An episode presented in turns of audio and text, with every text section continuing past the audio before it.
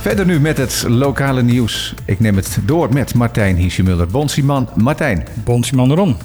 We beginnen met de COVID-cijfers. Die zijn de afgelopen week flink gedaald op Bonaire. Ja, ze zijn flink gedaald. Tenminste, het aantal actieve besmettingen. Het is nog wel zo dat er nog steeds behoorlijk veel mensen per dag positief worden bevonden. Ja. Ten opzichte van de andere eilanden zitten wij nog steeds aan een negatieve kant. Ja, want hoeveel per 100.000? Uh, op dit moment is het gedaald van 742 uh, per 100.000 naar 483. En hoe liggen die cijfers op de andere eilanden? Op de andere eilanden ligt dat, uh, bijvoorbeeld op Sint Maarten is dat 39 personen per 100.000. Bij Aruba 106 per 100.000. En bij Curaçao is het zelfs 55. Ja, aanmerkelijk lager inderdaad. Aanmerkelijk lager. Dus uh, wat dat betreft zit er nog fout. Alleen ja, er worden heel veel mensen weer genezen verklaard. Dus uh, dat is de voornaamste reden waarom de, de, cijfers aan het dalen zijn. Hopen dat dat doorgaat. En, ja, en de opnames in het ziekenhuis blijven ook gelukkig uh, net zo dat we ze kunnen handelen. Die waren gisteren weer vier. Dus ehm, dat, dat, dat, is ook gunstig. Ja. We zitten al een tijdje te wachten op de uitkomst van een onderzoek dat is gedaan naar de rotonde die zou worden aangelegd aan de Kaaien Amsterdam. De meeste mensen weten wel dat is helemaal misgegaan. Die rotonde bleek te klein. Er is een onderzoek geweest, maar tot nu toe is er eigenlijk geen duidelijkheid gekomen wie blaam treft.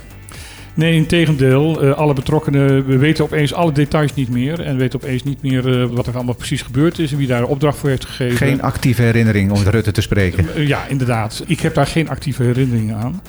Dat is collectief door ongeveer iedereen gezegd. En daar is nu een administratief onderzoek voor gestart om dat te onderzoeken van wat is er nou in hemelsnaam gebeurd en hoe heeft dit kunnen gebeuren. De tekeningen oorspronkelijk waren juist. En uh, hoe kan het dan dat een veel te kleine uh, rotonde wordt gebouwd op de verkeerde plek? Ook dat nog, ook nog op de verkeerde plek? Ja, het zat ook nog op de verkeerde plek. Er was toegezegd dat wij in december daar uh, uitslag van zouden krijgen. Het wordt nu al duidelijk dat het niet voor januari gaat worden. Dus het kan nog best wel een tijdje gaan duren. Het wordt nu rotondekate genoemd. En ja, het is, het is een bizarre zaak. Ja. Er is matig optimisme over uh, de natuur in Caribisch Nederland. Dat klopt. Het gaat een heel klein beetje beter. Bijvoorbeeld bij de schildpadden. Uh, op dit moment is op Saba zelfs zo dat als je duikt dat je 99% kans hebt dat je een schildpad tegenkomt. En schildpadden bijvoorbeeld spelen een cruciale rol in de gezondheid van de oceanen, omdat zij dus al die ecosystemen verbinden, omdat ze zo aan het reizen zijn constant. Ja. Dus uh, dat is ook een goede um, meetlat om te kijken van hoe het, hoe het gaat met de oceanen. Ja, er zijn nog wat andere dingen waarnaar gekeken is. Bijvoorbeeld het aantal flamingo's. Het aantal flamingo's is uh, klein op Bonaire, maar stabiel. Uh, dat wordt niet groter, dat wordt niet kleiner. Dat is al jarenlang is dat stabiel op het niveau wat, wat, het nu is. Ja, dan de zwerfvuil. Zwerfvuil is licht aan het minderen in de, in de zee. Spoelt dat minder, is positief. Dat is erg positief. Dat betekent dus dat er ook minder rotzooi in de oceaan terechtkomt. Ja, nou ja, er zijn nog een paar andere dingen. Bijvoorbeeld de bezoekersaantallen in het Washington Slagbijpark. Die zijn uh, ja, in 2020 natuurlijk uh, enorm gedaald. Vanwege de COVID. Vanwege de COVID, ja. dus dat is, dat is moeilijk te meten. Ja, en dan heb ik ook begrepen dat uh, de groeper, de tandbaarspopulatie, belangrijk is. Die is heel belangrijk, omdat ze, ze zijn zelf uh, rovers en, en jagers. Maar ze worden ook gejaagd door bijvoorbeeld haaien. Dus er zijn een hele een belangrijke tussenschakel tussen alles in. En daarmee ook een hele gro uh, grote meetinstrument uh, om te kijken hoe goed het gaat. En, en gaat het goed? Dat gaat beter. Oké, okay, dus dat is ook positief. Dan wil ik het graag even hebben over het luchtvervoer tussen de bovenwindse eilanden.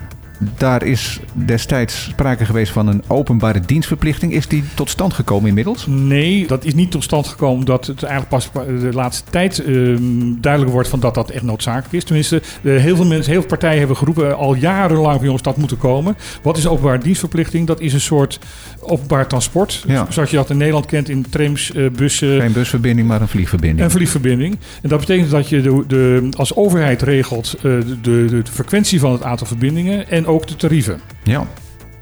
Dat is heel belangrijk. Maar is men het daar wel over eens en moet het gewoon nog gerealiseerd worden of wordt er nog over gebakkeleid? De minister is nu wel van overtuigd dat dat moet gebeuren, maar het is een politieke beslissing, dus het moet nog door de Tweede Kamer. Maar de minister is eindelijk nu om en die zegt van ja, het, dit zou moeten komen.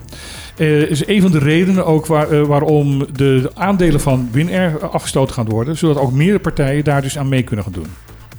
Dan nog even naar Curaçao. We hebben het vorige week of die week daarvoor gehad over minister Dorothy Pieters. Kun je even kort uitleggen waar dat om ging? Dat ging om een brief die zij naar de bestuur van een stichting die zich vroeger bezighield met de, de, ziektekostenverzekering.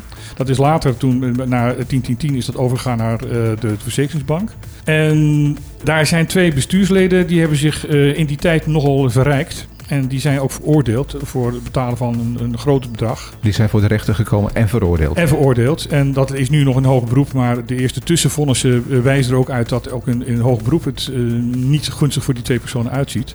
En opeens kwam minister Pieters met een brief naar het bestuur van, uh, van, van die stichting. Van nou laat maar zitten. Uh, we gaan ze niet meer verder vervolgen. Ja, we lossen dat onderling wel op. We lossen het onderling wel op. Wat zij als minister tegen een particuliere uh, stichting gewoon niet kan doen. Nee, maar goed, het waren natuurlijk uh, haar vriendjes, haar politieke collega's. Dat vermoeden bestaat er wel heel ja. sterk. Oh, dat is nog niet nou ja, het is. Het is, nooit bekendgemaakt okay. of zij nu echt partijleden zijn. Maar ja, de, de vermoeden dat daar wel verbindingen zitten is natuurlijk groot.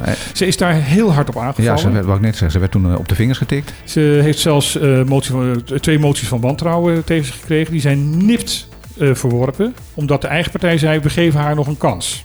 Want ook haar eigen partij heeft dit veroordeeld. En dan uh, ze is diep door stof gegaan en excuses aangeboden en gezegd van ja, dit mag nooit meer gebeuren. Nu blijkt dat de brief in kwestie nooit is ingetrokken door haar. Die ligt nog steeds op tafel en die zou eventueel in een rechtszaak door die twee mensen die nu verdacht worden, en al veroordeeld zijn, maar in hoger beroep nu nog steeds verdacht zijn, zouden ze dat dus tegen de staat gebruikt kunnen gaan worden. Want kijk, zelfs de minister vindt dat wij hiermee moeten stoppen. Ja, dus nu wordt ze vriendelijk verzocht die brief ook nog formeel in te trekken. Ja. Dat uh, is wel een, een, dringend verzoek uh, wat, wat nu aan ja. gedaan wordt. Nou, hopelijk is dit het uh, laatste hoofdstuk in deze zaak. Dat we er niet over terug hoeven te komen. Ik wou graag nog even horen hoe het met het weer staat. Nou, het weer staat uh, een beetje raar. Ja. Uh, maar dat is heel gebruikelijk in deze tijd van het jaar. Weersystemen uh, volgen elkaar snel op en, en, en botsen met elkaar. het ziet eruit dat vandaag, de, de weersvoorspellers zeggen dat het vandaag droog blijft. Maar als je op de, de, de radar en de satelliet gaat kijken, dan zie je allemaal wolken deze kant op komen. Dus voor mij is dat nog helemaal niet zo zeker. Het is in ieder geval wel zeker dat er morgen zeer, zeer, zeer, zeer waarschijnlijk regen gaat vallen. Nou, morgen dus nat. Vandaag heel misschien een paar druppeltjes. Ja. Dank Martijn, tot morgen. Tot morgen.